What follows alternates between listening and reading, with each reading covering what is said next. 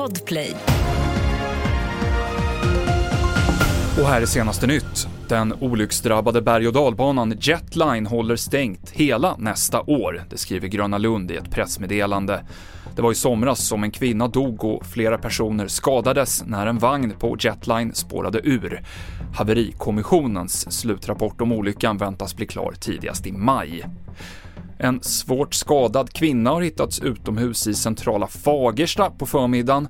Hon har förts till sjukhus med ambulans och polisen kan ännu inte säga om de misstänker brott eller om det har skett en olycka. Och regeringen vill ställa tuffare krav på teleoperatörerna för att komma åt bedragare som ringer från fejkade telefonnummer, så kallad spoofing.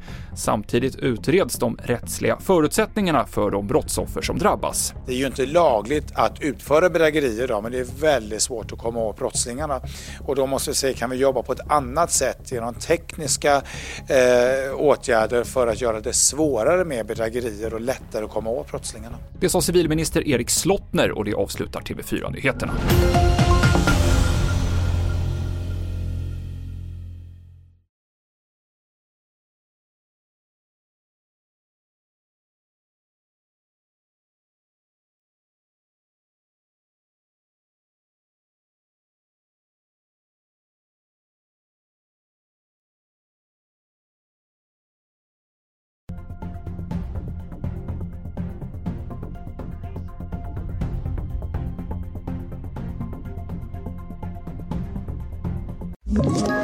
Ett poddtips från Podplay.